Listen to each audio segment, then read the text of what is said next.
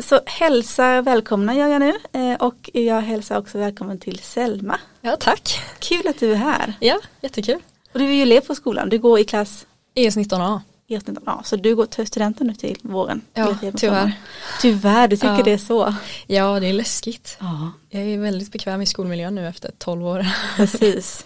Och du trivs bra på Jenny? Ja, jättebra. Ja. Det är en jättebra skola. Det blir lite nostalgiskt att lämna så. Ja, verkligen. Och vi har en sån himla bra klass så att det blir så här det är en gemenskap och då bara lämna det för att skapa ett eget liv på något Ja, sätt känns, ja, det är konstigt. Och ni får hoppas att ni håller kontakten och sådär. Ja, verkligen. Ja, men vad kul. Du är faktiskt första eleven som är med i vår podd. Ja, Jag tror i alla fall att det är så att vi inte har, jag tror inte jag har missat någon. Eh, för vi har tänkt så att vi skulle vara med med, med elever i podden och så. Men så kan det ju vara lite nervöst att vara med och, och så. Eh, och jag har sett en del kanske vill vara med och hellre vara två och två och sådär. ja. Eh, så det är jätte- jättekul att du är med. Du är debuten verkligen. precis. Inspirera andra. ja precis, jag hoppas, jag hoppas att dina kompisar lyssnar nu att de vill vara med i podden och sen deras Ja. kompisar så det blir verkligen värsta ringarna på vattnet här nu. Ja, precis. Mm, vi bryter ny mark idag, det känns jättebra. Ja. Eh, så vi ska prata lite böcker, två jätteintressanta böcker har vi med oss idag. Ja. Som är lite på samma tema så det ska bli otroligt intressant eh, att höra vad du har att berätta och sen se vad vi kan eh, locka med i de här berättelserna som vi ska prata om idag. Ja. Så vi kör igång tycker jag.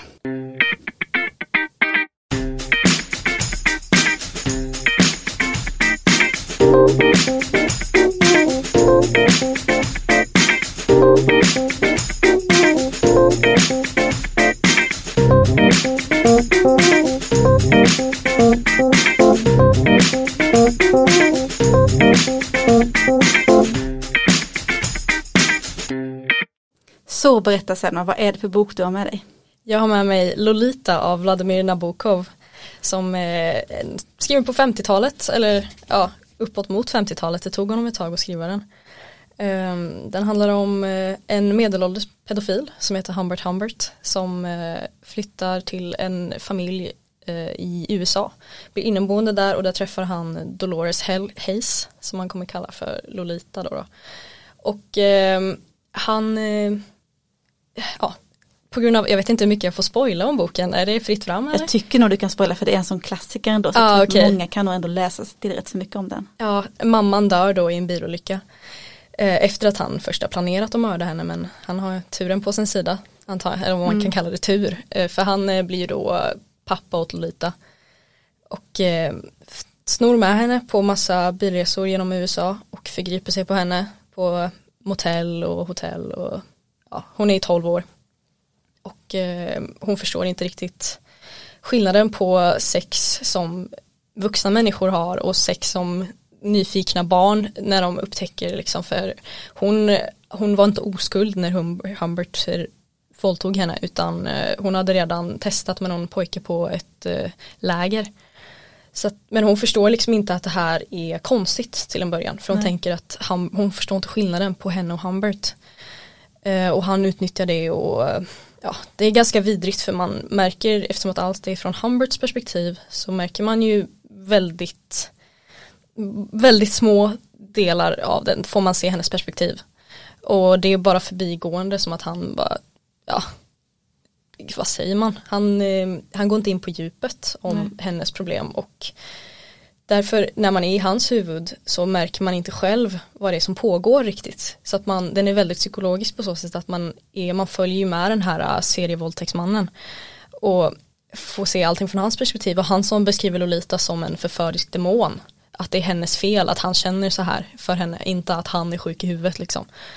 Och, eh, och då tillsammans, om man kombinerar det med de stundvisa gånger som han faktiskt är lite medveten om vad han håller på med, att han, att han skäms över sitt egna begär och skäms över vem han är och varför han känner, att han känner det här äh, åtrån liksom för ett litet barn. Så blir man så här, ja ah, men han är ändå medveten och då är det så här, han kan inte vara så hemsk för att han vet ju vad han håller på med liksom. Så att man är konstant lurad av äh, allt det här hemska liksom, man märker det inte knappt. Det är helt, eh, ja, man, när man läser så måste man pausa nästan och bara ifrågasätta sin egen moral. Vad är det jag är med i? Det känns som att man är delaktig i de här våldtäkterna. Så att den, otroligt hemsk bok på så sätt samtidigt som den är otroligt vacker. Han, han svär inte en enda gång av alla de här, säger inte ett enda fullt ord. Och allt är väldigt vackert och målande och man liksom dras med i hans värld. Och ja, det, det är som en, ja, han är en perfekt brottsling så att säga. Mm. Precis, och det där är ett väldigt det är listigt grepp liksom. Mm. Att berätta en sån historia utifrån förövarens perspektiv. Det tänker jag att man, många kan känna igen sig i när man sett kanske en film eller en tv-serie som är från mördarens perspektiv till exempel. Så att man blir lurad att heja på den personen nästan. Ja exakt, det är mm. verkligen så.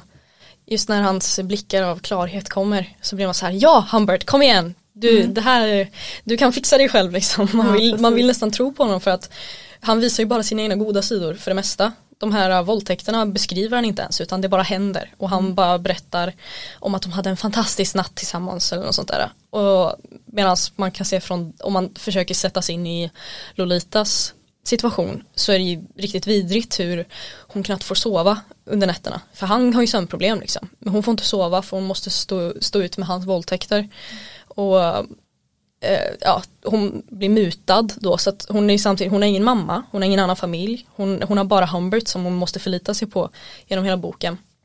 Och eh, det, det sätter henne, då att hon får så mycket, hon får alla de här materiella sakerna, hon får ny tennisracket, nya kläder, massa godis, allt det där. I en, alltså för en tolvåring som inte riktigt förstår vad det är som pågår så är det såklart väldigt enkelt för henne att bara tänka bort allt det här mörka och bara mm. så här, ja men det här är bara så det ska vara kanske liksom. Mm. Eh, det, är, det är otroligt sorgligt. Ja. Men det är aldrig, så du nämnde lite grann glimtar kan man få av hennes perspektiv. Hur, hur ser det ut? Ja, det, exempelvis så, hon var väldigt intresserad av film och teater och sådär. När, när han först träffade henne. Men eh, det försvinner och det säger han då förbigående så här att ja, typ, på den tiden då Lolita intresserade sig för film då kan man tänka, ja det kanske är ett intresse som har försvunnit. Men för mig så tänker jag att jag direkt tolkade det som att hon eh, på något sätt är deprimerad. Och att hon inte, ja men hon, hon är inte intresserad av samma saker som hon var förut för att hon mår dåligt. Tappat sig själv liksom. Mm. Ja. Så andra gånger, jag vet inte om jag kan komma på något mer. Det är liksom fyra, fem bara mm. olika så man får en liten glimt. Mm. Så det är verkligen bara hans historia och hans eh, ja, han, han glorifierar ju vad han gör kan man ja, ju säga. Mm. Precis. Mm. Ser man liksom något, är det här, du nämnde här att de åker runt och så, är han är de jagade eller är det bara en fri ja. till, tillvaro de lever eller är det de på jakt efter honom och misstankar och sådär? Till en början så är det väldigt uh, lovey-dovey liksom. Uh, men ungefär efter halva boken så börjar han bli lite paranoid. Och han har tidigare nämnt att han var på ett vilohem då för han har psykiska problem. Det är också någonting som han från början så sa han vilohem och sen under bokens gång så blev det mer och mer tydligt så psykiatrisk anstalt. Ja, um, men det är också så alltså att han lurar läsaren på samma sätt. Um, mm. ja. Och då tänker man, är det att han är förföljd på riktigt eller är det bara hans hjärnspöken? Uh, Lolita en gång när de bråkar så springer Lolita iväg och eh, ringer ett samtal i en glassbar. Precis när han kommer in så lägger hon på liksom. Och där och då kopplar han inte riktigt att hon kanske har ringt eh, polisen eller något sånt där. För han, han litar så mycket på Lolita på, ett, mm. på samma sätt som han inte gör det. Men för mesta han, han har ändå en tilltro till henne. Och eh, mm. ja, nej, men det, det, kommer inte förrän i slutet på boken då vi, när hon lyckas fly faktiskt mm. ifrån honom. Och eh, då tar det honom tre år att hitta henne igen. Och då ja, är det som att poletten faller ner och hon, han inser att det är hennes gamla teaterlärare då som de träffade på första motellet som de var på. Och sen när de flyttade till jag minns inte vad det hette, Beardsley tror jag då började hon gå i en flickskola och fick gå, på en teater, gå med i en teatergrupp och där var han teaterledare. Och eh, efter det träffar han, hon till slut en, en kille i samma ålder som henne och då blir hon gravid så det är lite så, då, det är då han träffar, då, då lyckas Humbert hitta henne igen. Och det, han, det, det är just här också som jag blev så himla förvirrad över min egen moral och lite vilken mm, sida jag ska mm. stå på för självklart tycker jag Humbert är vidrig men just i stunden när man läser att för Lolita är nu 17 år och inte eh, ett barn, hans eh, åld, hans ålder, rang, vad ska man Ja, säga. det, hans Han preferenser. Precis, preferenser är mellan 9 och 14 år. Och nu är hon 17 och gravid. Och han säger det så att eh, trots att hon var alltså höggravid och svullen och gammal liksom så älskade henne, han henne fortfarande. Han hade fortfarande den här alltså, djupa förälskningen. Den, Hon var hans liv liksom och då tänker man Åh men gud han, han gjorde allt det här på grund av kärlek. Det var inte bara våldtäkt, det var inte bara hans egoism och hans eh, dri, alltså lust som Nej. tog över utan man, man vill fortfarande tro att han är en bra person. Ehm, så att det, det, det, det, ja, det var ett jättebra slut på boken. Eh, Mm. För han får ju någon form av, ja det kommer en försoningsdel liksom, han själv rannsakar eh, och ja, inser att han har ja, våldtagit det här stackars barnet. Han kallar sig för ett fembent monster. Ja, just det. Ja, Ja, det är ju verkligen en, en ehm, ja, udda och provocerande bok. Den Ja. fick ju jättemycket när den kom. Där, det var, jag tror det var mitten på 50-talet, det tog Mm. några år som sagt och det kan man ju förstå. Mm. Men det tog också några år innan den publicerades i vissa länder för att den var så provocerande. ja. Mm. Ja, den är jätteintressant. Eh, och det är mycket man kan diskutera i den. ja verkligen känner att jag bara har babblat nu om den. Ja, det, men det är ju så med de här böckerna som väcker mycket i oss. Där Ja. Det bara bubblar ju upp i oss av tankar och, och reflektioner och reaktioner. ja precis. Och jag tänker att det också är så det ska vara. Men ibland måste man få läsa hemska böcker också som får en att bli nästan lite äcklad och, som, Ja. och så. Det, det kan eh, vara jätteintressant. ja, det känns som jag kommer ha med den här boken med mig ett tag. Ja, precis. Du kommer inte glömma att du har läst den. Nej, verkligen Nej. inte. Det som är så spännande är för att jag har med mig en bok som är om man tänker nu att din bok där Lolita är verkligen bara mannens perspektiv och den här pedofilens ped perspektiv. Mm. Jag har med mig en bok som är en flickas perspektiv eller nu när hon skriver den så är hon ju kvinna. Men det här är det omvända berättelsen kan man säga. Ja, Det här är en flicka, eller en sanningsbaserad då, för den är klassad som en biografi, en självbiografi. Eh, och hon heter Vanessa Springora och boken heter Samtycket. Och det här är berättelsen om när hon var, jag tror att hon kanske var 14 eller något sånt där. Precis, hon var 14 år och han var 50. Oj. Eh, så det var ju en tydlig åldersskillnad och hon, när hon är 14 så blir hon då eh, Ja men det är väl via någon sån här lite familjefest eller något sånt där hon åker på med sin pappa tror jag och sådär. Eh, eller mamman är det nog. Eh, och hur den här mannen då som är en väldigt framstående författare i Frankrike. Mm. Eh, känd person. Eh, hur han eh, visar tydligt intresse för henne och hon blir smickrad. Hon, det här är någon som ser henne. Eh, hon är annars rätt så undanskuffad, hon bor med sin mamma och det är eh, inte så lätt i livet alla gånger och sådär. Eh, och hon blir ju faktiskt förälskad i honom på något plan. Mm. Och de inleder en sexuell relation. Och det som Springora då, eller Vanessa, hon skriver om det här, det är just samtycket, huruvida man som barn kan ge ett samtycke. Och om det samtycket ska vara lika mycket värt som det är när man är sexuellt vuxen eller sexuellt mogen. Mm. Eh, och det är lite grann som du berättar också i din bok det här hur Lolita inte vet, hon har ingen skillnad på hur det är att vara barn och utforska sin sexualitet eller att göra det med en vuxen. Mm. Att eh, för henne förstår hon inte skillnaden eh, egentligen kanske. Nej. Men den vuxna vet ju någonstans att det är en skillnad. ja. Och att det blir ju per definition ett utnyttjande även om barnet i fråga inte skulle göra motstånd eller skulle verka vilja. Och så som hon berättar här så är det ju verkligen så att hon är, hon är ju delaktig i att inleda den här relationen. Eh, men förstår ju som vuxen hur utnyttjad hon blev. Och i början kan man tycka att det nästan också det här man läser att det kan nästan tycka att det börjar lite trevligt att jo Ja. men okej hon är ensam, här är någon som ser henne, det ser inte ut som att vara något våld involverat. Eh, man börjar nästan fundera på, jaha men är det verkligen, ska man säga. Men sen ut, ja, utvecklas ju den här relationen och framgår mer och mer hur ja, hur sjuk den här mannen är egentligen. Ja. Eh, hur vilken eh, vridning det är eller så, det är ju en perversion. Eh, och hur hon även i vuxen ålder, för han har ju då han är upp framstående person när hon någonstans försöker bryta med honom hur eh, ingen lyssnar på henne, ingen tror på henne. Han är en framstående person, lite sådär geniklassad. Ja. Eh, och det fortsätter liksom långt in i hennes vuxenliv hur han, hon ser i hans böcker, han blir prisad, han får priser, han blir hyllad och han skriver om henne ofta. Oj, Kanske inte ja. alltid att hon är namngiven men hon vet ju, det syns jättetydligt att det är hon. Eh, hur han använder det här och likadant framkommer det att han har ju haft relationer med många barn. Eh, både pojkar och flickor. Eh, och det har han skrivit rätt så öppet om i sina böcker. Och han, det här är då typ, ja det är väl, kommer inte ihåg om det kan vara 80-tal kanske som hon är ung då. 70-tal kanske. Och han är då den här eh, mannen, han heter Gabriel Matsneff. Han lever fortfarande och just nu är det faktiskt lite polisutredningar kring honom just för att det har framkommit nu då vad han Ah. har gjort. Eh, som del är det ju hennes bok då för hon insåg när hon, han skriver en massa om vad han gjorde med mig, jag kan skriva om vad han gjorde med mig. Ja. Ehm, så det gjorde hon och då kom allt det här upp.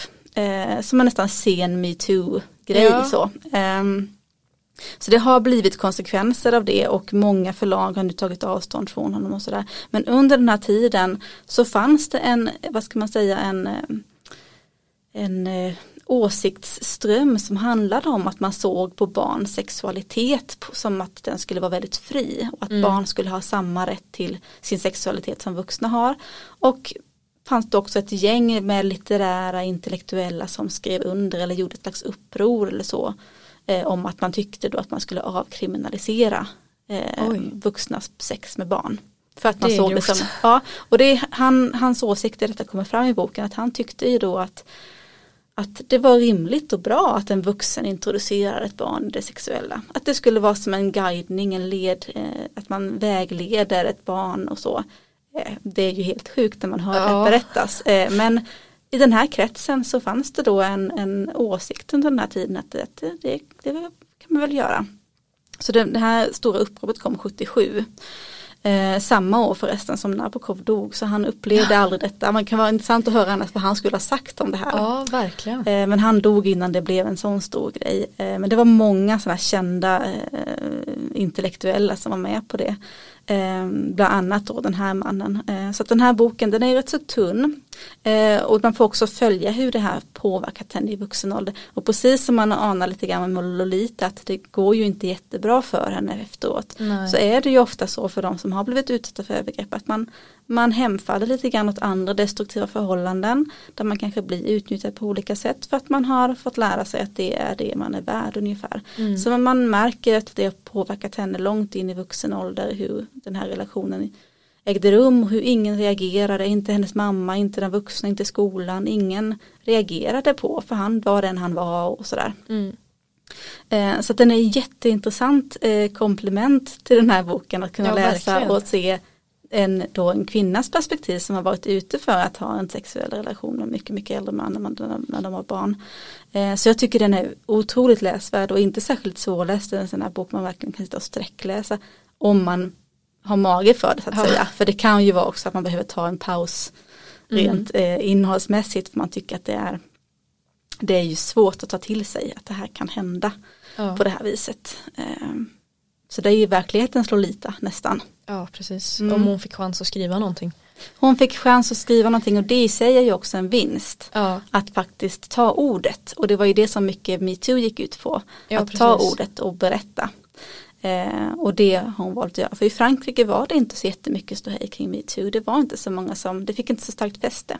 Nähä. Så det här har liksom kommit nu sen hon skrev den här och den kom ju ut jag tror att det kanske var förra året eller 2020 så den kom. Eh, så efter det har det ju blivit massa rabalder då kring den här eh, Mats Neff också och nu som jag förstår det förra året när jag tror jag läste om det sist så var det polisutredningar på gång kring honom. Så man kan ju hoppas att det blir en scen men ändå icke desto mindre en rättvisa kring det. ja, verkligen. Mm. Vilket mörkt och bistert tema egentligen vi hade idag. Ja. Men otroligt intressant. ja, viktigt att prata om. Mm. Men tycker du att med Lolita, alltså, kan man ändå läsa den tycker du? Alltså, eller är det någon som du skulle avråda från att läsa den eller tycker du att eh, Ja, alltså den är ganska svårläst. Det är Mm. mycket svåra ord. Om man verkligen vill kunna, kunna greppa den så alltså, jag, har, jag har läst när jag var väldigt liten. Så att jag har ganska god läskunskap och så. Mm. Men eh, det är nog inte en bok man ska börja med. Nej. Och nog inte en bok man ska läsa när man är eh, i tonåren. För jag vet att det finns en rörelse som romantiserar hela Lolita. Främst med det finns en artist som heter Lana Del Rey. Hon, mycket av hennes musik är inspirerad av den här boken. Man kan om låttexter liksom som finns Okej. skrivna i den här. Ehm, och det, det är lätt att man romantiserar den sortens pedofili med en rik gammal man som är förälskad i ett litet oskyldigt barn liksom. Eh, Så jag tror att om man, det är en bok man ska läsa om man redan är lite inläst i ämnet liksom. Inte Lite någonting- mognad så. Ja precis, inte någonting man bara ska kasta sig in i för att det är en känd bok liksom. Nej. Utan, Mm, precis. Så man vet vad man ger sig in i lite. ja men precis. Man går in i det här psyket. Ja, också viktigt att vara säker i sig själv just med att man ifrågasätter sin egen moral så mycket. Mm. Eh, Att man är i hans huvud. Jag känner, mig nästan lite skadad över att ha varit i hans Mm. huvud. Och det blir som att man vill duscha efter att man har läst ett Ja, kapitel. För att.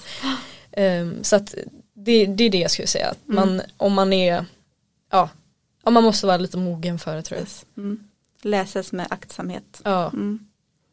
Men jag tycker ändå det var jätteintressant att höra dig berätta om den. Eh, otroligt intressant. ja tack. Eh, och sen hoppas jag att ni som antingen vill läsa eller läser Lolita kan ju då också sen gå över till samtycket och känna att man får den här berättelsen som är lite mer av en eh, ja, upprättelse kanske Ja. man kan säga. Mm. Ja, jag ska nog skaffa mig en, en sån där bok. Jag tycker nog du ska läsa den bara för att jämföra faktiskt. Ja, det ska tycker jag. jag. Jättekul att du var här Selma. Tack för att jag fick vara här. Ja, hoppas att du kanske kommer tillbaka till podden igen, det vet man inte. Ja, om jag hinner innan. Ja, precis. Det går ju väldigt snabbt här nu fram till Ja, sommarlovet. verkligen. Men hur eller hur, jättekul att du var här. Tack.